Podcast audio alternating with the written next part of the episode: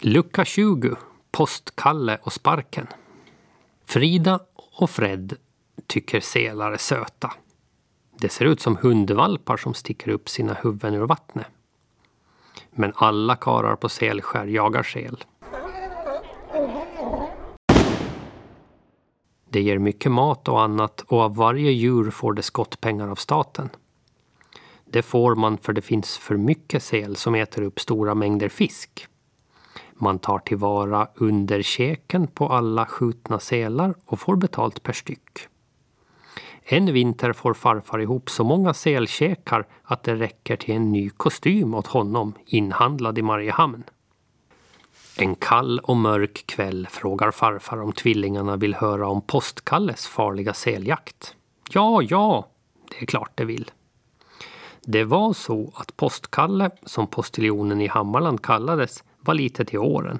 Men han ville ändå följa med de yngre kararna ut på havsisen för att skjuta sel. Klungan går norrut men kararna märker snart att det bildas råkar, alltså sprickor i isen. De unga männen hoppar raskt från isflak till isflak men till slut orkar Postkalle inte med längre. Han blir ensam kvar på ett flak som driver längre och längre bort. Snart är det fara och färde. Snart är han helt utom räckhåll. Kamraterna kastar över ett långt rep. Det räcker inte. Då knyter de ihop två rep. Kalle får tag i det. Men det är ett problem. Han vill ha med sig sin sparkstötting. Hur ska det gå till? De unga männen ropar För Guds skull, postkalle, kom över, skynda dig, dra dig hit genast. Det är livsfarligt för honom att stanna på flaket. Till slut tar han repet i ett fast handgrepp och i andra handen tar han sparken. Så dras han och sparken genom vattnet i säkerhet.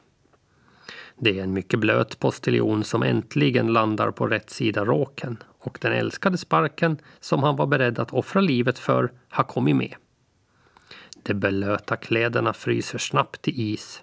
I hastiga tag sparkar han hemåt. Det är mer än 20 kilometer över isarna. Postkalle överlevde. Han blev inte ens förkyld efter äventyret och kunde fortsätta dela ut post med sin spark i många år efter det.